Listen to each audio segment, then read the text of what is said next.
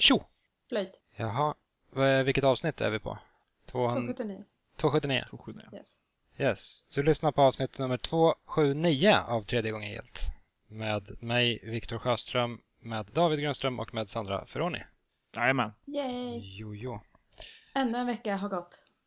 Mm. Det här är väl det fjortonde eh, karantänavsnittet vi gör. Ställer du dig frågan där, men du har också skrivit att det är 14 karantänavsnittet vi gör, så jag tror det var en retorisk fråga och jag känner mig utnyttjad som har blivit ställd den. Just ja, jag försöker Mm. skapa lite dramaturgi här men det, det faller ju platt. Märker man ju direkt. Hur är läget med er? Helt tyst. Ehm, Ta, talan, eh, anno. ett dag. Eh, nej men, nej men vad fan. Eh, det, det har börjat bli lite varmt och jävel. Eh, jag börjar gå promenader och så. Lyssna på ljudböcker igen efter ett långt uppehåll. Ja. Eh, så det är nice. Spela massa Valorant, det är nice. Nu eh, i helgen när det är midsommar ska jag åka ut i skärgården och socialdistansera mig från Stockholm. Mm. Det är ska nice. bli nice. Eh, så jo fan. Det rullar på. Mm. Hur går det med ditt eh, musikprojekt? Du har ju storslagna planer på att bygga om hela din lägenhet till en studio va? Mm, eh, inte hela min lägenhet. Eh, Linus gamla rum.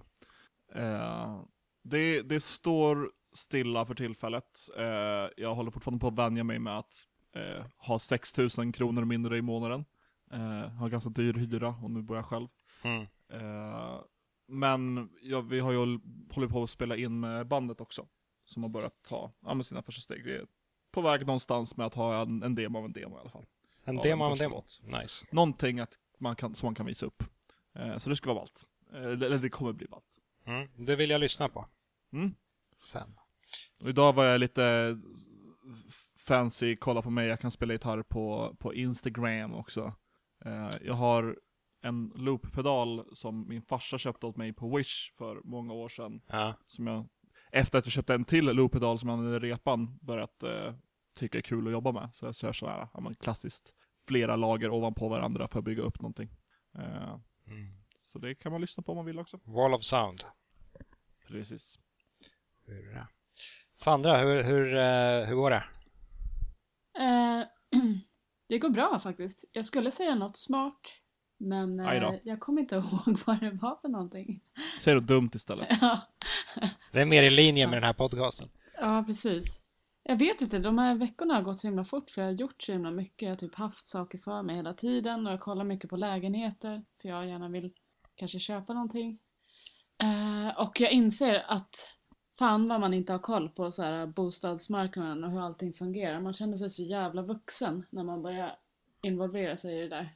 Ja, sorry. Driftkostnad och jävel och massa Ja. skit. Man, man kan inte bara betala hyra och vara klar med det. Nej. Det tyckte jag var jobbigt när jag flyttade ut från mitt, jag bodde i en ungdomslägenhet innan där jag bor nu. Och då var det liksom hyra med el och vatten och allting inräknat. Mm. Eh, så nu måste jag betala el eh, separat och välja elbolag och skit. Och Mm. Det är ju någonting man typ nästan måste göra eh, om man vill dra ner kostnad för att standard deals man får med elavtal är eh, bullshit och de har de så här extra, de slänger på massa dumt extra för att folk, de utgår från att folk kommer ta default-alternativet. Mm. Jävla härke. Å andra, å andra sidan söker ju elbolagen upp en oavsett om man vill det eller inte. Så det är bara att sitta och rulla tummarna och pilla sig i naveln. Och förr eller senare kommer ett elbolag ringa upp dig och säga att de kan sänka din elkostnad. Kanske. Nej. Hej. Nej, nej, nej. Det, det jag gjorde i och för sig var, eh, jag kollade upp eh, något bättre alternativ för elen än vad jag hade. Och så hörde jag av mig till Sollentuna Energi, som jag har default och säger att jag vill byta elbolag. Mm. Eller så vill jag att ni tar bort årsavgiften som ni har slängt på här. Eh, för då stannar jag. Och då gjorde de det. Så det ska jag bara göra en gång om året nu. Nice. Du kan börja köra allt värre utpressningar av Sollentuna hem. Den här månaden tänker jag inte betala hyra. Eh, Om inte ni godtar det så flyttar jag. Kanske går. Åh nej, kommer de säga. Ja. Sätta hårt mot hårt. Mm. Nej, Mm. men annars så har jag jag har inte hunnit spela så mycket som jag vill göra. Det har mest blivit att jag har umgåtts med folk. Och Usch. försökt vara ute så mycket som möjligt i det Dumt. fina vädret. Ja, jag vet. Det är inget bra. Men eh, Sällskap och frisk luft. Fy fan. ja, det är värsta kombon alltså. Helt klart. Ja. Tacka veta dålig luft och isolering. Yes. Och ångest och bara känna sig som skit. Tv-spel. Fuck yeah! Som fan. Så går det till. Hur är det med dig då, Viktor? Eh, jo, jag har en katt i knät nu och den katten är ju ett... Den är, det är en säga? jätterar katt, men jävlar vilket värmeelement. Jag sitter ju och svettas här. Jag har inga strumpor på mig. Jag funderar på... Äh, vi, var, vi var här för några avsnitt sedan, i och för sig, när det ballade ur i nakenhet. Men det är lite samma situation nu. Jag eh, tycker om att ha katt, men ibland undrar jag varför katten eh, är Tycker här, om att ha dig. är, är här hos mig. Annars är det bra. Mm. Ja, jag har börjat spela The Last of Us Part 2. Eh, det, Fusk. det är väl, ja, jag fuskade. Det är väl det, det stora som har hänt den här veckan egentligen eh, i tv-spelsväg. Sen har det väl varit lite, lite upp och ner med lite privata saker, men det lämnar vi utanför, utanför podden. Det här är ju ändå en tv-spelspodd där allting är frid och fröjd. Eller? Eller? Eh, ja. Välkommen till ångestavsnittet av tredje gången gillt. Aj, aj, Nej. aj. S- men som, som sagt, jag, jag skulle vilja snacka lite om The Last of Us Part 2. Men jag tänkte att jag, man kanske kan ta det allra sist. Och så kan man istället ta sig igenom de vanliga segmenten först. Låter som en bra idé. Om det låter som en bra idé. Ja. Eh, Pang på. Pang bom. Eh, först och främst har vi nyhetssegmentet och det har ju hänt för en gångs skull jävligt mycket i nyhetsväg innan vi Det är nästan som att det typ har varit E3. Ja. Det är typ det närmsta man kommer E3 egentligen, den här konstiga coronasommaren. Ja. Eh, Sony har visat upp sina, sin Playstation 5-lineup och visat upp den faktiska Playstation 5-maskinen. Mhm. Vi vet fortfarande inte exakt vad den kommer kosta eller exakt när den släpps. Men nu vet vi åtminstone att den ser ut som någon kom, form av eh, flummig eh, router kombinerat med element luft. eller någonting. Ja, eller så här uh, air condition, inte- eller fläkt tower fan grej nästan. Mm. Jag Va- tänker på någon, någon, eh, ja just det, jag tänker på den här vita roboten i Wall-E. Iva. Eve. Ja, Iva. Ja. Just det, precis. Jag Ja. tänker på den, den ser lite ut som, som henne. Ja. ja, hon är svart och vit. Ja. det är det enda. Va, vad, vad tycker ni om det här utseendet? Eh, alltså jag tycker den ser väldigt flummig ut, den här uh, vita sliven och svarta lådan i mitten. Mm. Men jag såg någon som hade alltså, målat om eget skin med typ så här mattsvart, och då såg det skitballt ut. Mm. Jag, tror, jag tror att det kommer en svart eh, edition också. Det kommer ju åtminstone Ja. en sån eh, med handkontrollen, eller av handkontrollen. Ja. Mm. Nej, Så, alltså, som ni säger, det ser ut som en router när den är vit och svart. Det, det går inte att se ifrån det, känner jag. Jag, jag gillar nog ändå utseendet. Den är ju, den är ju ful. Det är ju en ful konsol. Men jag, jag, jag gillar lite att den är en ful konsol ändå. Det ger den karaktär på något sätt.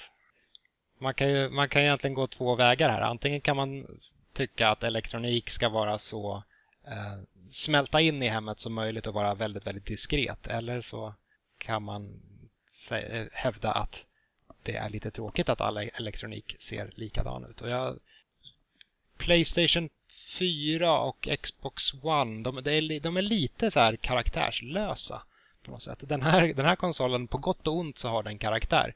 Mm. Och det gillar jag.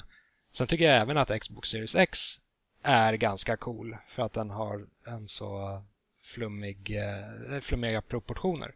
Det är som en liksom kloss. Ja. Ja, det enda jag visst om det kommer någon svart modell eller svart edition av konsolen så blir jag glad för att den matchar inte riktigt de andra man har. Jag är Nej. lite så här, jag vill kunna rada upp dem bredvid varandra och det blir lite konstigt när den bara sticker ut så himla mycket. Mm. Om den är vit.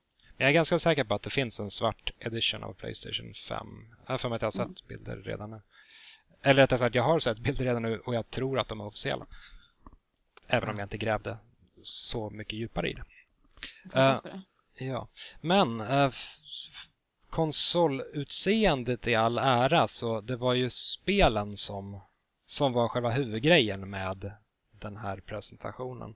Eh, och det här var ju en hel jävla radda med spel Yes. som ser, som ser riktigt, riktigt schyssta ut, många av dem. Eh, Hade ni några favoriter?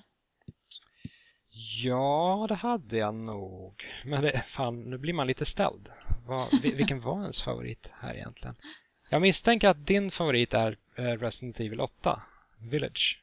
Ja, det Är det kan- inte tekniskt sett Village Resident Evil, som det heter? Jo, det är kanske det, ja. I och för sig. Men Typ Resident Evil 4. Eh, Bara lite mer fancy namn. Ja, fast det är, det är, det, det, det är inte den här svan, spanska eh, byn, känns det väl inte som. Det känns Nej. mer som typ USA. ja, det här är väl, jag tolkade det som en slags vidare, vidareutveckling av, Playsta- eller, av eh, Resident Evil 7. Ja. Ja, Det- precis. Är Det, det, är det Ethan man spelar i Resident Evil 7? Eh, ja, och jag tror Mm. att han återkommer nu i 8. Ja, för Chris snackar ju om Ethan i slutet där. Mm. Mm. ja, precis. Jag tänker bara att det påminner väldigt mycket om fyran just för att det är... Ja, jo, eh, mm, verkligen. Och det var ju, det var ju ryktena förut också, att eh, det skulle vara i en spansk by och slott och skit. Ja, och det här namnet Village är ju någonting som har läckt sedan tidigare. Det tror jag till och med att vi tog upp i något avsnitt. Det var Mm. det jag pratade om nu ja, att när det läckte tidigare Ja. så Mm. spekuleras att det var en spansk by och skit. All right. Uh, nej, men det... Resident Evil 7 var ju ett på många sätt briljant spel. Sen klarade de inte av att ro i land det helt och hållet, men om man utgår från Resident Evil 7 och sen rättar man till de sakerna som, som var lite problematiska, vilket man ju ändå kan göra. Lite bättre uh, fiendevariation, lite, lite roligare slutskede och sen är, sen är man ju hemma, typ. Ja, det ska bli kul att se hur de kopplar ihop sjuan och åttan. Med Mm. tanke på hur... eh, Jag vet inte hur mycket man ska avslöja av trailern, men... Jo, men alla som, har, alla som är intresserade av Resident Evil har väl redan sett den. Ja, men jag tänker han... eh, Vad är han heter? Du Ethan? Nej, vad heter han? Ja, Chris säger ju någonting att gråt inte Ethan, Ja. eh, jävla crybaby och skjuter eh, en kvinna några gånger i huvudet. Som, vis, som förmodligen är hans flickvän då. Det kändes så va? Ja, förmodligen. Han har otur med flickvänner. Ja, det är jävligt synd om honom alltså. Ja. Så... Ja, nej, det ska vi, jag, är, jag är rätt pepp ändå. Jag är alltid pepp på Resident Evil så det spelar typ ingen roll. Men jag är faktiskt ändå pepp på att de har gjort en uppföljare till, eh, till åttan. Ja. Eller sjuan, förlåt. V- vad var det mer för stora grejer? Det var Horizon 2, Mm. Yes. vilket... Eh, Forbidden West. Ja, det ser ju jättesnyggt ut. Ja, Och Horizon 1 var ett eh, jättebra spel. Som egentligen förtjänade lite bättre än vad det fick. Det blev ju tyvärr lite halvdränkt där i och med att det kom i ganska tätt in på Breath of the Wild. det var jobbigt. Vet, det, det släpptes innan Breath of the Wild eller? Ja, det Eller tror jag. efter? Jag, tror Jag det var säkert. spelade, jag spelade efter jag hade spelat Breath of the Wild och det var störigt att inte kunna klättra på allting. Mm. Och att kändes sig inlåst. Och alltså, Horizon var ett bra spel och hade bra, bra huvudstory och skit, men sidouppdragen var sisådär och det var ju få karaktärer som kändes... Det var, det var så, som diskrepans i karaktärsdesignen för att eh, Aloy och eh, huvudkaraktärer, eller mer viktiga karaktärer, de var mer animerade Just eh, än NPCerna som såg ut som någonting från typ Dragon Age 2. Eh, så det, det fanns ju mycket, många brister i det också. Mm. Eh, det var absolut för långt för sitt eget bästa. Mm. Det hade väldigt schyssta strider dock. Och så här, förhållandet mellan smygandet och striderna och sen att striderna var ganska, vad ska man säga, träffpunktorienterade. Att man kunde slita loss olika delar av de här stora robotdinosaurierna funkade ju väldigt bra. Verkligen. Eh, så jag, jag, det jag gillade med Horizon också var överraskande nog storyn. Den kändes, det, kändes väldigt spännande att sakta luska ut vad det var som hade hänt med den här världen. Varför det var Ja. robotdinosaurier överallt. Eh, och det är ju inte Jag- jag- riktigt ett trick de kan återvända i uppföljaren, för nu vet vi ju vad världen... Ja. Jag, jag- jag kommer ihåg att jag inför Horizon var ganska skeptisk till vad, varför skulle robotarna bygga sig själva som jävla djur. Nu kommer jag inte ihåg vad förklaringen var i spelet, men jag tyckte det var en bra förklaring. Så det, den, spelet fick mig att göra en 180 graders vändning Mm. på min känsla kring, kring eh, Robodinos. Mm. Jag hade verkligen inte räknat med att jag skulle uppskatta storyn så pass mycket som jag gjorde, men det gjorde jag ändå. Uh, vad mer? Spider-Man Miles Morales. Just det. Just det. eh, som har redan blivit eh, lite, vad ska man säga? Har- Vad är ordet? Jag vet inte. Eh, inte lite drama kring det. Eh, för det är någon, alltså Sp- Spider-Man Miles Morales är ett standalone spel där man spelar som Miles Morales. Ja. Eh, som är, är en, en av karaktärerna man kontrollerar i Spider-Man till PS4. Ja, från eh. alltså det spelet som släpptes 2018 och var väldigt hyllat. Precis. Eh, men det, det är någon sån här Sony exec som har sagt att det här, det är inte ett, eh, det är inte ett nytt Spider-Man, det är lite mer som en eh, expansion eller vidareutveckling på det gamla Spider-Man. Vilket, Mm. det, alltså, som mening så förvirrar det vissa, för att bara, aha, så det här är, är det typ DLC eller? Eh, men nej, det är ett standalone spel Men då kommer det den andra aspekten här av att ja, när det är en svart huvudkaraktär så kan det Mm. inte vara en numbered sequel, då är det inte Spider-Man 2. Eh, Spider-Man 2 måste vara Peter Parker på något sätt. Eh, så det kommer ju med sin egen eh, påse skit. Mm. Men jag är taggad nonetheless. Miles Morales är en cool Spider-Man och eh, Mm, jag gillar, gillar Det- Miles. det känns som en naturlig uppföljning på eh, Spider-Man från 2018 i och med slutet där när Miles till slut eh, får och visar sina krafter. Ja. Jag, ehm, jag, jag håller med om att det, det är lite konstigt att det här, är, det här spelet existerar i någon slags gränsland mellan en uppföljare och DLC. Lite som eh, Uncharted, vad heter det? The Lost eh, Journey? Legacy? Lägg- Ja, det där när man spelar, med, spelar som Chloe. Jaha, ja, eh, right. Eh, som ju... Fan, det? Ja, men det är inte Lost Journey eller något sånt där. Skitsamma. Eh, Det här känns som någon slags motsvarighet till det. Att man bygger vidare på, bygger ganska snabbt vidare på ett grundspel. Eh, Och egentligen, jag tror till och med att vi har snackat om, vi snackade ganska mycket om Spider-Man ett tag i den här podden. För att vi, Verkligen. vi verkligen gillar det spelet. Men det är ett väldigt svårt spel att följa upp. För ett Spiderman-spel vill man ju ska utspela sig på Manhattan. Och Spiderman 2018 har redan en väldigt snygg renderad liksom, Manhattan. Så hur, vad, vad gör man egentligen med en uppföljare? Gör man det i, på Manhattan en gång till? Då har man, då har man exakt samma miljöer. Det är inte så kul. Eller så tar man det någon annanstans. Då känns det inte lika Spiderman plötsligt. Så det, Mm. på något Eh, sätt jag kan vill bara ja. ho- Kör. hoppa tillbaka till Uncharted. Mm. The Lost Legacy. Legacy, det. Right. Nej, men på, på något sätt kan jag ändå förstå lite att, att det här spelet hamnar någonstans mellan, mellan stolarna ur uppföljar eh, branding-synpunkt. Ja. Det är tråkigt för de borde satsa på just en karaktär som är liksom, som är i det här fallet mörkhyad. Jag menar, hur många spel har vi där man har en mörkhyad karaktär?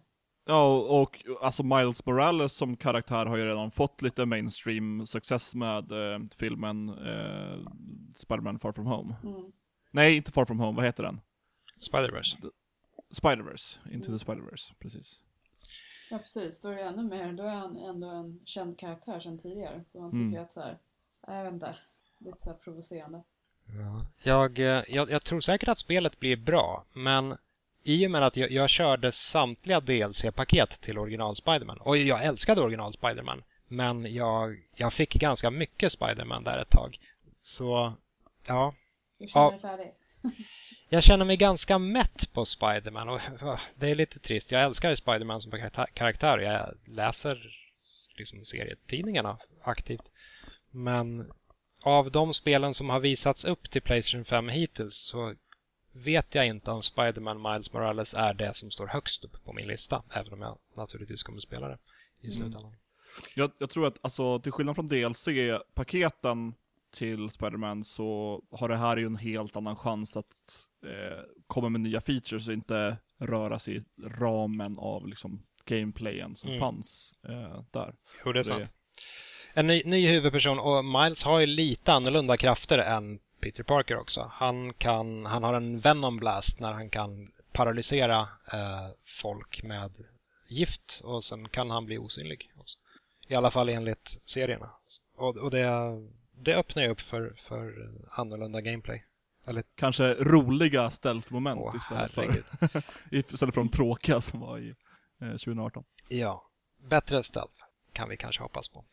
Eh, vad har vi mer? Uh, Demon's Souls, den gamla rackaren, får en fet remake till Playstation 5. Mm. Ja, det kan ju bli bra, men det kan ju också vara, alltså, jag, jag har inte känt något sug att spela Demon Souls för att jag inbillar mig att det är ett mer klonky Dark Souls. Mm. Och jag tycker inte ens att Dark Souls 1 är särskilt bra efter att jag har spelat Bloodborne och Dark Souls 3. Eh, som jag tycker är smidigare. Ja, jag, jo. tycker, jag, tycker det, jag tycker det är bra, jag tycker inte det är dåligt, men jag tycker inte, det är inte på samma nivå. Mm. Alltså, Men det här, är alltså, det här är väl någonting man kan fila bort i remaken i så fall? ja förhoppningsvis. Jag är ganska peppad på det här. Jag spelade aldrig Demon's Souls själv. Eller liksom när, när det begav sig. Samma här. Så jag, jag, jag ser det här som en, ett utmärkt tillfälle att faktiskt göra det. Sen var det Det en... var ju, Ja, sorry, kör. det var ju något till eh, spel som jag nämnde också förut, eh, som jag tyckte verkade intressant. Mm. Eh, Returnal. Ja, precis. Som såg väldigt flummigt ut. Det ser lite ut som en blandning av Death Stranding, eh, Silent Hill och vad var det jag mer sa? Måndag hela veckan. precis. Nej, och Dead Space typ. Det, det ser, ja, den är, det är lite svårt att sätta fingret på vad det faktiskt handlar om. Men det är en kvinnlig astronaut i alla fall. Som, Dör om och om igen. Eh, Och, och, Men det, det, det, det känns som att här, Groundhog Day som spelkoncept har börjat eh, hända. det, det är inte Returnal som är först med den, att ja, men så här, dör men vaknar upp med minnet av hur man har dött tidigare. Det var ju något spel som visade, det var väl E3 förra året, då man är typ ett par i en lägenhet som håller på att bli attackerade och man måste liksom pussellösa sig ut ur det. just det, och det utspelar sig under ett par minuter, va? Så här, Ja. fem, 15 minuter eller vad det nu var. Ja, Hette det precis. kanske inte till och med det? 15 minuter eller så. Jag vet inte. Ja. Eh, så det är ja, intressant koncept, alltså jag tycker det är, tycker det är kul när, när, när folk fortsätter jobba på det, typ som vad heter den där jävla eh, skräckfilmen som, eller så här, ja, skräckkomedin kanske det var Death Day? Happy Death Day? Någonting? ja, ja jag vet Eh, inte. förvånansvärt bra, eller underhållande film. Jag trodde den skulle vara helt och hållet skit. Eh, men jag gillar det konceptet, alltså med eh, dö och återuppleva och försöka ta sig, sig ut ur en loop. Eh, Så Ja, det ser spännande ut med Returnal, det är, det är ett koncept som passar bra i spelform också. verkligen. Eh, och spelet ser ju för övrigt, det ger ju kraftiga Kojima Productions-vibbar. Jag, Ja. ett, ett litet kort tag så funderade jag nästan på om det var någon slags, eh, ja, inte Death Stranding-uppföljare kanske, men ja, Kojimas nästa projekt. Ett nytt eh, Strand Game. Just det. Life Stranding. Eh, men det var det inte. Eh, och överlag så det, det var en hel del, eller det var en ganska bra blandning mellan gamla etablerade varumärken och nya eh, spännande varumärken på den här visningen. Eh, var en, vi hade en Oddworld Remake, Oddworld Soulstorm till exempel, gammalt varumärke. Eh, Tango, Tangos eh, Ghostwire Tokyo, alltså eh, Shinji Mikami. Eh, flumspel. Mm. Det, ja, det såg flummigt ut. Eh, vad hade mer? Square Enix visade upp Project uh, Athia som var drakar och återigen kvinnlig huvudperson. Det är må- många kvinnliga huvudpersoner här, Mm. vilket ju är nice. Uh, Ratchet and Clank ser väl ut som vara Ratchet and Clank, eller Ratchet and Clank ser ut att vara ett Ratchet and Clank där man verkligen vill visa hur snabb en SSD-disk är. Genom Ja. att kunna switcha fram och tillbaka mellan olika dimensioner. Och Ray Traced Reflections på Clank. Var Just- ett skrytmoment. Just ja, det sa de. Eller, eller, eller kanske det var mer skämtmoment, you can finally experience Clank with ray tracing. Ja, Eller vad de nu sa. ja, jag vet inte hur allvarliga de var när de la fram det så, men det, det, på, på något sätt blev det ju smärtsamt ärligt på något sätt också. Att så här, Ja. det, är, det är det här vi har att komma med. Det här kommer vara som Ratchet Clank, men Clank kommer glänsa snyggare den här gången. Eh, jag var nöjd med visningen. Jag tyckte det var en bra visning. Verkligen. Och nu är jag peppad på Playstation 5 som kommer någon gång innan året är slut. Och det, det bästa spelet som de visar upp, det mest, som man är mest hypad för, det är ju Bugsnacks. Just ja. Eh, från Bugsnacks? från eh, Octodad-skaparna. Ja. Och det är just det. Alltså Bug och Snacks. Det är ett konstigt ekosystem av, av djur som även är mat. ja. Typ eh, glassormar eller vad det nu var och eh, jordgubbsspindlar. Och folk fick varmkorvar som händer. Och jag vet inte riktigt vad det var som försiggick där. Men det, om de har gjort ett spel tidigare om en bläckfisk som lever, i, lever som pappa utan att någon inser att han är bläckfisk så kan de väl göra ett spel om bugs och snacks. Ja, why not? Precis. Eh, vi har ju en rykande färsk jävla nyhet också. Oj. Eh, för det var bara för några minuter sedan, eller kanske en timme sedan, var det eh, ett Pokémon Direkt. Eh, där de visade upp något nytt expansion till Sword and Shield och någon Pokémon Go-uppdatering och något, jag vet inte, kaféspel eller whatever. Mm. Men! Också ett spel som heter New Pokémon Snap. Oh snap. Oh Snap, en uppföljare på det fenomenala spelet Pokémon Snap till Nintendo 64. Vilk- Fy fan vad bra det är. Ja, original Pokémon Snap, där, där åker man ju, det är lite som en väldigt långsam berg dalbana. Man åker längs en räls och så har man en kamera och så ska man fota Pokémon som står längs rälsen.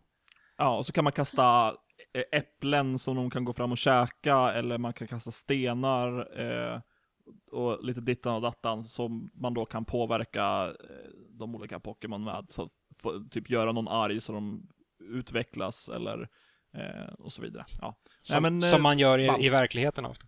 Ja, kasta sten på djur så de blir smartare. Mm. Ehm, En, en slags märklig och gan, ganska unik eh, vari- ja, precis, variant just av en ljus, ljuspistol-ish spel. Mm. Vad, vad vet man om, Eh. om uppföljarna?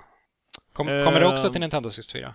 Nej, det är till Switch. Eh, och det utspelar sig på några olika öar. Eh, och eh, av trailern som finns så står det Not actual gameplay footage. Och sen så är det några Pokémon som står och håller i en under construction-skylt. Så man vet inte så mycket. Men jag tror de sa att det var 2020 till och med.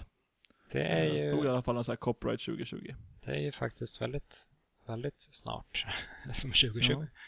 Jag har ytterligare ett spel som släpps 2020 som vi ska gå in på alldeles strax. Men jag ska bara drö- dröja kvar vid Pokémon ett litet tag till. Om det släpps till Switch kan det tänkas vara så att man kan använda gyroskopet i konsolen och därmed måste fota, eller kan fota rättare sagt, åt alla håll och kanter genom att vifta konsolen åt olika håll. Ja. Det känns, det känns som att lite vinkla kamera, speciellt om man håller switchen bärbart. Kanske. Eh, Men som sagt, ett annat spel som faktiskt släpps redan 2020 är eh, spelet som visades i måndags. Det vill säga Star Wars Squadrons. Såg ni den här eh, presentationen, eller trailern? trailern i alla fall. Ja. Eh, på Top Gun i rymden. Mm. Nej, jag har missat den faktiskt. Right. Det här är alltså det, det är Star Wars, ett Star Wars flygspel igen. Lite som X-Wing eller TIE Fighter eller X-Wing vs TIE Fighter. Mm. Och så. Ehm, man spelar som en skvadron. ehm, antingen på rebellsidan eller på imperiesidan. Och det, det är kort efter, eh, eller om det var kort innan. Det är runt omkring Return of the Jedi i alla fall, den eran. Eh, och så flyger man och skjuter i rymden med sina X-Wings och sina TIE Fighters. Och det, det är lite lustigt att varje gång det ska göras ett spel där man flyger i Star Wars-universumet, eller många gånger i alla fall, så börjar man flörta med just det här att tänk om man kan spela på Imperiesidan också. Haha, haha. Eh, det var ju TIE Fighter ute med väldigt tidigt under 90-talet till exempel. Mm. Även X-Wing vs TIE Fighter då. Eh, så nu är det ty- tydligen dags igen att man ska få olika perspektiv på hela händelsen. Att Darth Vader gjorde ingenting fel. Och så. Eh, Spelet kommer i oktober, är 2 oktober och det är VR-kompatibelt. Oj, oj. Ju- Just den delen gör mig lite nyfiken ändå. För det, eh, det finns ju en del av Star Wars Battlefront 2 som är VR-kompatibelt. Det har en lit, ett litet så här VR-sidouppdrag när man får flyga X-Wing i ett asteroidfält. Eh, vilket funkar väldigt bra. Eh, och VR passar ju bra just när man sitter i en cockpit. Det är egentligen då VR gör sig allra bäst. Eh, och Star Wars Battlefront 2 är EA som ligger bakom, eller DICE. Eh, och i det här fallet så är det återigen eh, EA. Så jag... De har väl lite Star Wars-patent? Ja, precis. Och de har lite Star Wars skills vid det här laget. Och lite VR-skills också, vilket de har visat. Nu är det inte just DICE, utan Motive tror jag, som gör Squadrons. Men ändå, de kan säkert få lite tips från DICE på hur man gör, gör VR riktigt bra. Så jag blev lite peppad på det här. Nu har jag inget VR-headset själv, men eh, jag kan tänka mig att köra det utan VR också och återfå lite Star Wars-pepp efter The Rise of Skywalker. Ja, det behövs. Hello Darkness, my old friend. Fy fan. Uh, Så arg. fan. Att de gör så här med Star Wars.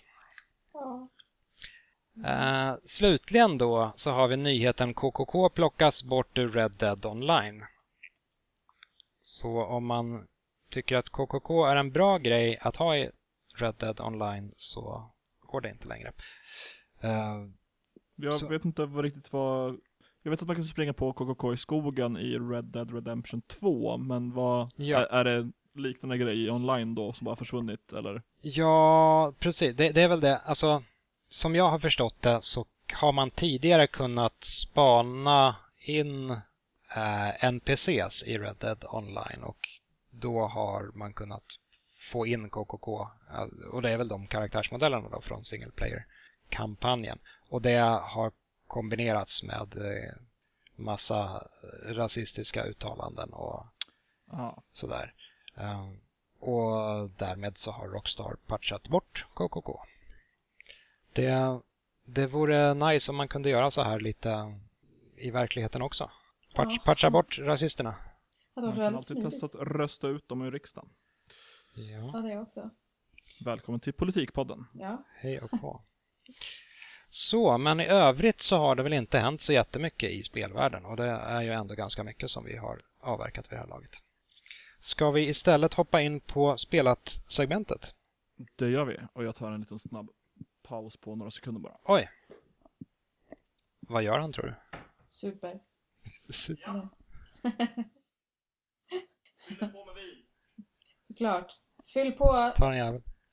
fyll på glaset Jag, bo, jag bor ju faktiskt snett ovanför David så jag kan säkert se Davids su, onsdagssupande om jag sneglar. Nej, det är för mörkt. Jobbigt om man står där typ. Jo, men vänta. Där. jag har ju dock... kul det hade varit om du stod där naken också. Ja, det gjorde jag. Ja, visst. Jag kan, jag kan eh, ladda upp bilderna sen. Ja. Det kan bli Ba- barnen som leker på uteplatsen och jag som står där naken och dricker vin. Ja. Äntligen har det här teleobjektivet betalat sig. Eh, ja, jag är redo. Ja. ehm, vad har ni spelat? Jag har spelat Persona 4 Golden. Någonting. Var det där en gäspning? Ja. ja. Jag ligger så skönt här i sängen och poddar så jag skulle kunna somna känner jag. Ja. Sandra mysigt. hatar Persona 4 Golden. ja. Det här är vad vi tycker om ditt Persona 4 Golden. Så- du har spelat Last of Us Part 2, det har du redan sagt, så jag tänker snacka lite Persona 4 Golden. Det är bra. Gör det. Eh, Det är, beredd. och det är alltså inte det absolut senaste Persona? Nej, Persona 5 är det senaste, och det är det första Persona jag har spelat. Eh, jag har alltid varit lite nyfiken på serien. Jag tror det var någon gång precis efter gymnasiet så hade jag en kompis som snackade om Persona 3. Mm. Eh, och jag fattade inte riktigt vad som var grejen, men han sa att det var coolt för när man aktiverar sina personer så, så plockar ens karaktär upp en pistol och skjuter sig själv i ansiktet. Just det, Eh, klassiker. det lät metal. Eh, och sen så, typ i början av min skribentkarriär så skrev jag på en hemsida som heter magasin.se. Mm. Och eh, chefredaktören där var helt eh, Galen. förförd eh, och förtjusad av Persona 4 eh, till PS Vita. Right. Eller Persona, det kanske är Persona 4 Golden som heter PS Vita till och med. Och att Persona 4 kom till PS2? Jag vet inte. Eh, hur som haver så har det här nu släppts till PC eh, i dagarna. Eh, och jag var ju helt betuttad i Persona 5. Det var ju, jag ojade mig över att det behövde släppas samma år som Breath of the Wild, för annars hade det varit en självklar goti för mig. Mm. Ett spel som jag tänker på ofta, jag lyssnar på musiken till ofta. Fan, bra spel! Mm. Otroligt bra spel. Så jag, jag har varit nyfiken på Persona 4 också. Som jag har hört folk säga är ett bättre spel. Mm. Visst är det så Eh. att Persona 4 kan man ändå köra alltså utan att behöva köra de gamla? Ja, men det är Persona 5 också. Det är ett väldigt typ klassiskt japanskt rollspel. Ja. Det är ju sällan någon viktig story som förs över. Ja, Men jag har ju velat spela dem också de senaste. eh, Men jag orkar inte spela om alla gamla. Så jag tänkte, kan jag bara börja på den senaste typ. Men jag, jag, har, Ja. jag, jag har missat det. Persona 4 Golden nu, är det en återlansering eller är det så att du betar av din backlog just nu? Eh, alltså Persona 4 Golden släpptes i veckan till PC, eller om det var helgen förra veckan och sådär. Eh, och det är min första kontakt med spelet. Persona 4 Golden är en återlansering av Persona 4, men jag kommer inte ihåg i vilken eh, ordning saker har kommit eller till var. Men det är typ som att Persona 5 Royal har släppts nu, som har en extra eh, konfidant och karaktär och lite Ja. sådär. Men det, detta är med andra ord, det är en sprillans ny återlansering av ett gammalt spel. Yes, eh, Yes. med HD-grafik eh, och till PC. Shit. Eh, så jag spelade med, med handkontroll på min dator. Eh, och personaspelen är ju eh, om, han, eh, skolelever i, i Japan eh, som dels måste gå i skolan och sköta det, men dels måste lösa mysterier på, på fritiden. Eh, just Persona 4 utspelar sig i en eh, liten stad som heter Inaba, eh, dit huvudkaraktären skickas från den stora staden. Eh, och eh, börjar gå i skolan eh, när en, en serie mord eh, börjar uppdagas. Det lik hittas i konstiga positioner varje eh, gång dimman är ute i staden. Vad fan, vem är det som har lagt våra lik i konstiga positioner? Det här måste undersökas. Det, det måste undersökas och polisen gör inte så bra jobb så man måste undersöka det själv. Eh, så det, det, man typ går in i tv-apparater för att vid mid, ett rykte säger att, eh, som går bland tonåringarna på skolan där, säger att om du kollar på en avstängd tv vid midnatt när det regnar ute så kan du se en bild av din eh, själsfrände. Eh, så man testar att göra det och då ser man siluetten av någon, någon kvinna som man känner igen, men man vet inte riktigt vem det är. Och eh, dagen efter så hittas hon död eh, ute i dimman. Så eh, lite annat övernaturligt tjosan händer och eh, man får någon sorts kraft och kan, man trycker på tvn så försvinner handen in. Så det är lite som en tavla i Super Mario 64. Eh, Eller ett ring som går tvärtom. Precis. Eh, så din karaktär eller ditt party kan resa in i tvn och hamna i någon form av eh, tv-värld, eh, eller alternativ verklighet, där de då, där offren eh, slängs in och torteras och sen så dör de under mystiska omständigheter. Jag har inte kommit jättelångt så jag har inte riktigt storyn klar för mig, men, men det är ju det går ju ganska parallellt med typ hur det är i Persona 5, där eh, man får en mystisk app på sin telefon och då man trycker på den så hamnar man i den här eh, andra verkligheten där eh, som, som praktiskt taget är folks undermedvetna eh, och något så här typ förtryckta personligheter och eh, förtryckta eh, personlighetsdrag skruvas upp till eh, 11. Eh, och man löser problem i verkligheten genom att eh, för, förinta ondskan eh, i folks hjärtan och så vidare. Eh, och det, jag gillar verkligen, jag gillar verkligen Persona 5. Eh, för mång, av många orsaker, men en grej jag kommer ihåg, att det, att det inte är den här eh, klassiska fantasyland-världen, eller någon så här, ja men, skum fantasy-setting, utan det, det var Persona 5 är i Tokyo, det är stadskänsla och det är ungdomar som har massa press på sig och saker är skit i verkligheten. Eh, så man kan antingen ta det för så här, at face value att eh, de reser till en alternativ verklighet. Men jag gillar att vara lite extra prätt och djup och tänka mig att det här är eh, ungdomarnas eskapism. Eh, heter, heter escapism så på svenska. Eh, nu gör det från, ja, från den mundana och jobbiga verkligheten till de sista eh, åren av livlig fantasi man har innan man blir eh, typ vuxen. Eh, så det är coming of age stories, och där jobbiga politiska eh, intriger mm. och eh, att behöva stå ut med lärare som man måste respektera trots att lärarna kanske inte vet bättre än en själv och, mm. och så vidare. Ja, det är en fin tolkning av Persona. Mm. Uh, jag, är, jag är fin på tolkning, tolkningar, mm. höll jag på att säga. Men det får man inte tycka. Du är fin du. Sig själv. Åh! Oh! Ja. Säg det igen Viktor. Uh, så jag har uh, kommit till typ första palacet, som är väldigt typ som ett tempel. Uh, inte klarat av det än, så jag är fortfarande verkligen i startspurten av spelet. Men uh, det är någonting jag spelat utöver Valorant mm. den här veckan. Hittills, tycker jag att det är bättre eller sämre än Persona 5?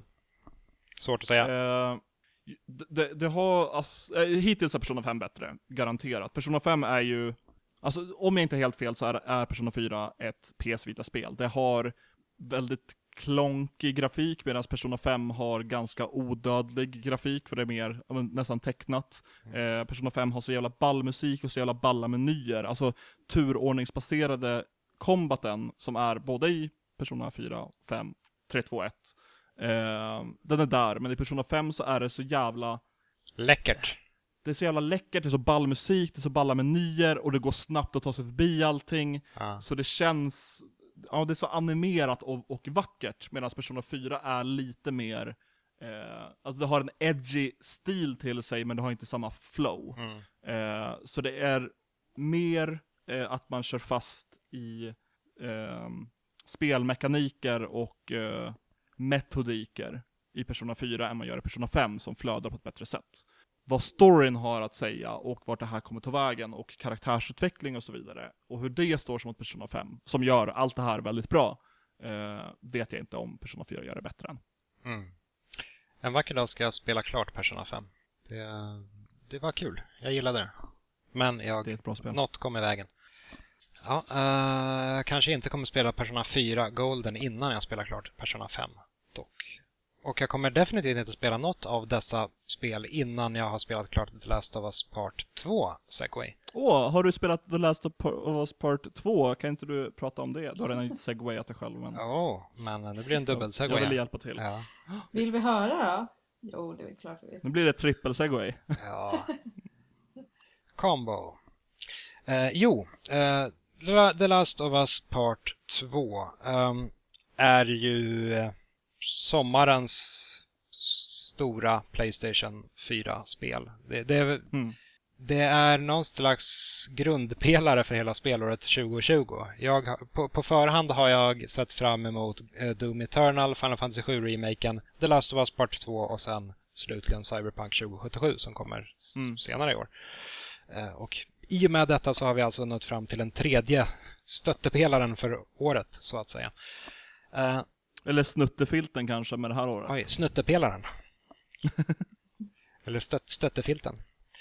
The Last of Us Part 2 börjar kort efter The Last of Us eh, Part 1, originalspelet. Eh, och det börjar med att Joel pratar med sin bror eh, och lite, lite förklarar läget för sin bror, vilket funkar dels bra för att eh, det passar in i Joels karaktär, att han vill på något sätt tala ut om vad som har hänt med sin bror. Och så blir det ju en slags naturlig sammanfattning av, av The Last of Us 1. Då. Eh, därefter, efter den här korta sekvensen med bron och en kort sekvens med mellan Ellie och Joel så hoppar spelet fram fyr, fyra år i tiden. Eh, så det spelar sig fyra år senare och man spelar som Ellie istället. Uh, och det här, det, det är redan från starten så är det ganska kul för Ellie beter sig ganska mycket som en så här, trött tonåring som inte tycker att någonting är riktigt kul och hon tycker att det mesta är ganska jobbigt och hon suckar och liksom himlar med ögonen och eh, ja, men är, är rätt trött på skiten. Eh, och eh, det visar sig, det, det visar sig att det är någonting som har hänt mellan Ellie och Joel. De, ja, deras relation verkar ansträngd och man vet inte riktigt varför.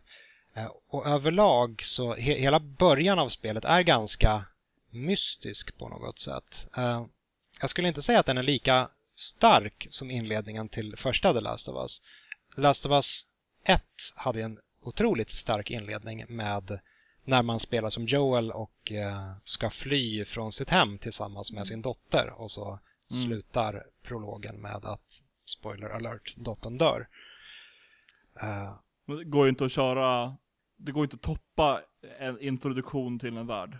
Uh, eller det kanske går, men det är svårt. Speciellt när det är så pass bra som det är i The Last of Us. Ja, det... det kan jag säga, trots att jag hatar, nej jag hatar inte, men jag tycker inte, jag tycker det är överskattat. men till och med du uppskattade prologen till det första spelet. Ja. Och det här har inte riktigt en lika gripande inledning. Däremot så är den som sagt lite mer mystisk och det, det gillar jag på något sätt. Att man, man får pussla ihop lite vad det är som har hänt egentligen i och med att den skiftar i, i tid hit och dit. Eh, ganska snart också så eh, Ellie och en vän till Ellie skickas ut i, eh, i vildmarken för att lösa ett uppdrag. Men sen parallellt med det så börjar man följa en annan karaktär, en ny karaktär eh, som vi inte har sett i spelet eller i originalspelet tidigare. Eh, och det, det, är lite olycksbådande på något sätt. Eh, har ni läst novellen Att döda ett barn? Nej, eh, det är det.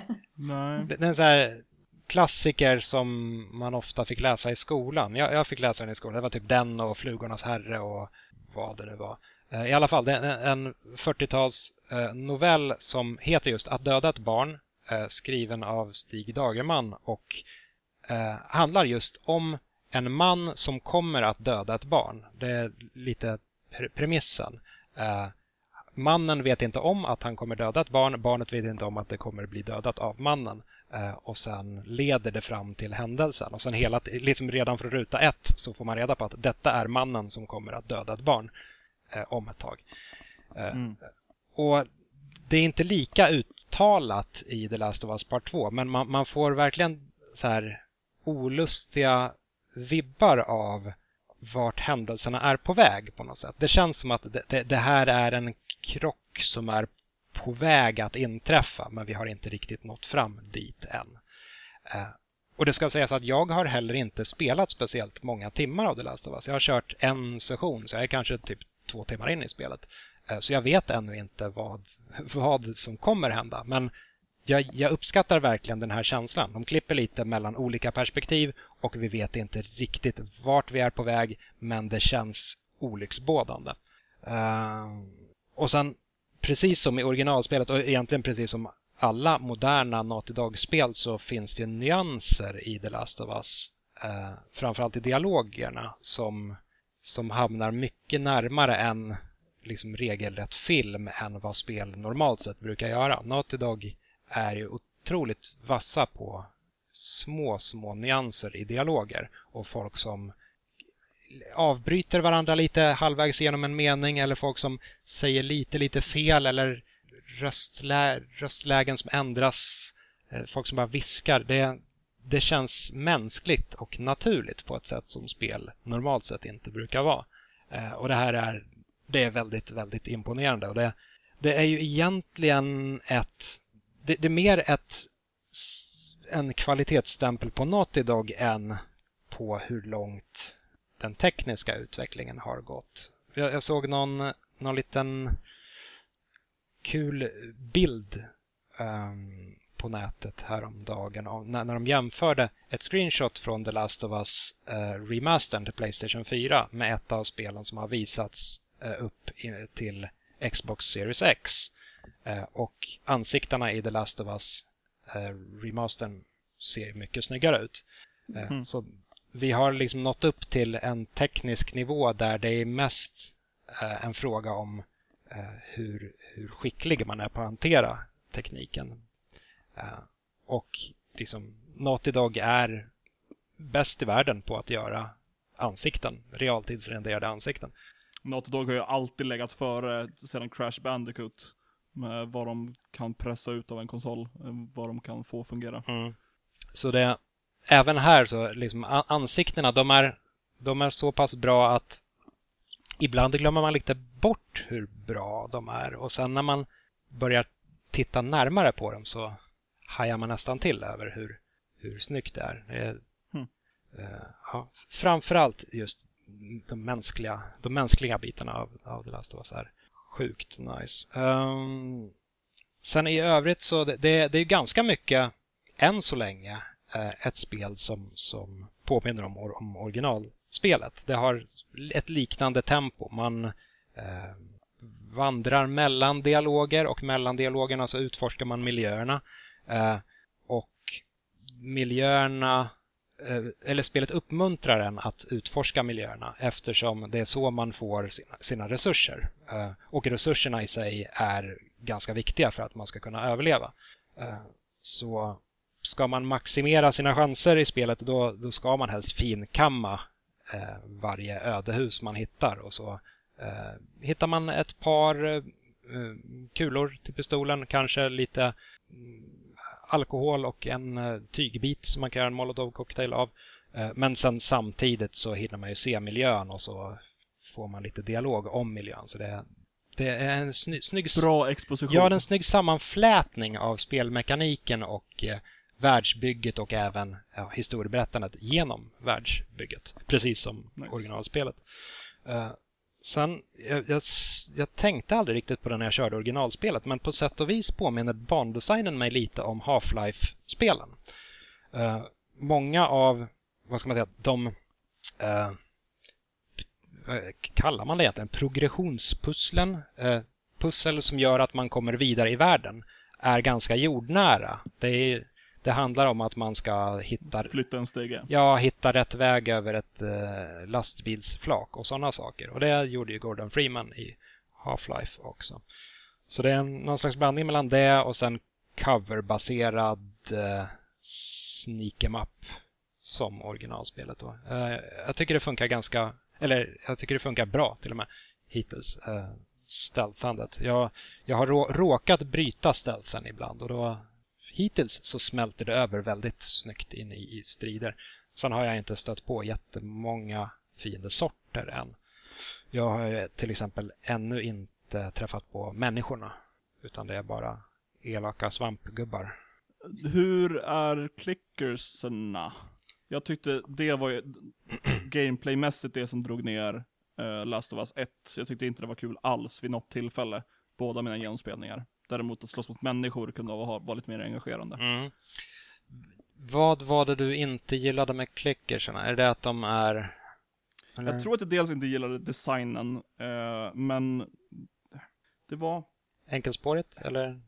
Ja, eh, om, om det är att det var lite variation på dem, eh, samtidigt att man skulle, man skulle smyga men det funkade typ inte riktigt. Uh... Ja, hit, hittills har jag lyckats smygmörda ihjäl clickers.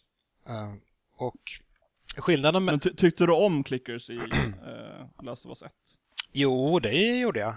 Uh, jag, jag, jag gillar designen också och jag, framförallt ljuddesignen också. Det här äckliga klickande lätet de gör.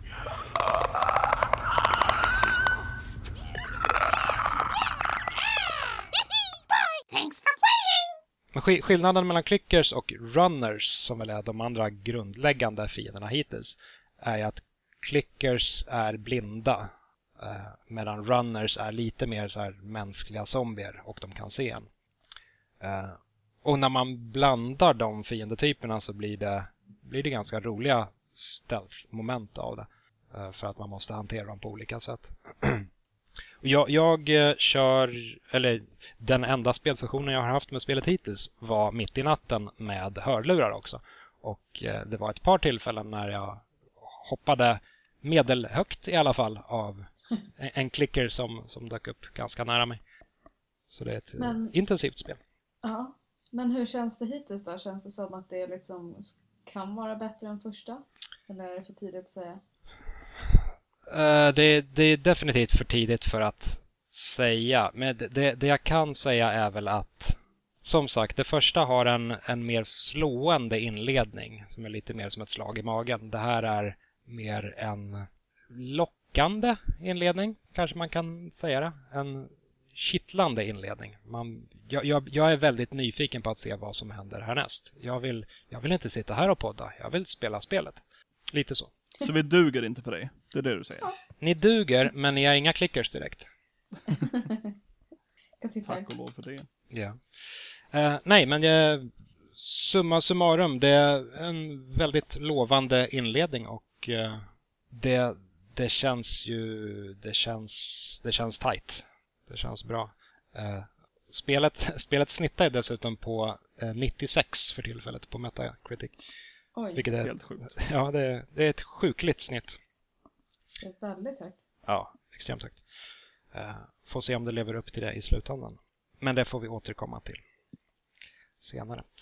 Så, Sandra, hade du spelat något? Nej, det hade du inte. Nej, jag har inte hunnit med någonting faktiskt. Förutom att blänga på lägenheter. Ja, typ. Bara stått och glott på dem. Ja, ja, men det är inte, inte så illa. Ska vi ta en kommentar då och sen uh, call it a day? Yes, f- får jag ta kommentaren för att läsa namnet fel med flit? Eh, gör det. Eh, Så eh, Karl of Strand har eh, skrivit följande. Vet inte, vågar Kojima game. ja, vet inte riktigt om jag vågar kommentera igen efter att ni slaktade mitt namn så förra gången. Heter Karl Löfstrand, som mitt namn på Instagram blev inte roligare än att jag skrev ihop det och tog bort prickarna. Nåväl, det jag tänkte säga att anledningen till att jag pratar brittiska i Xenoblade Chronicles är att originalet kom till Wii, är att när originalet kom till Wii så gjordes lokaliseringen av Nintendo Europa, och då valde de att ha brittiska röstskådespelare. Det var inte ens tänkt att, göra, att, att spelet skulle släppas i Nordamerika överhuvudtaget. Det finns en film på Youtube som förklarar detta väldigt bra.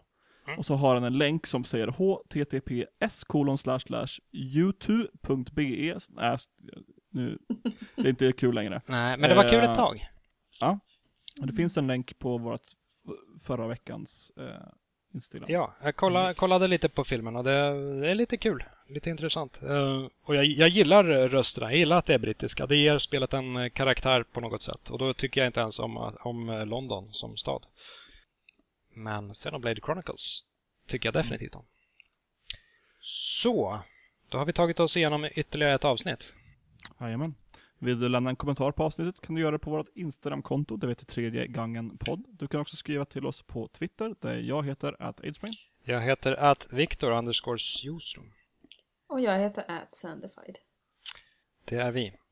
Ja, Så Vi är det. då, då signar vi ut den här och veckan. får hälsa alla en glad midsommar också. Just ja, det är Ja, ju verkligen. dessa tider ja. Mm. Så, Så, det är så. Drick en nubbe, spela tv-spel, eh, hoppa små grodor. Ja, Så hörs vi nästa vecka. Tja! hej då!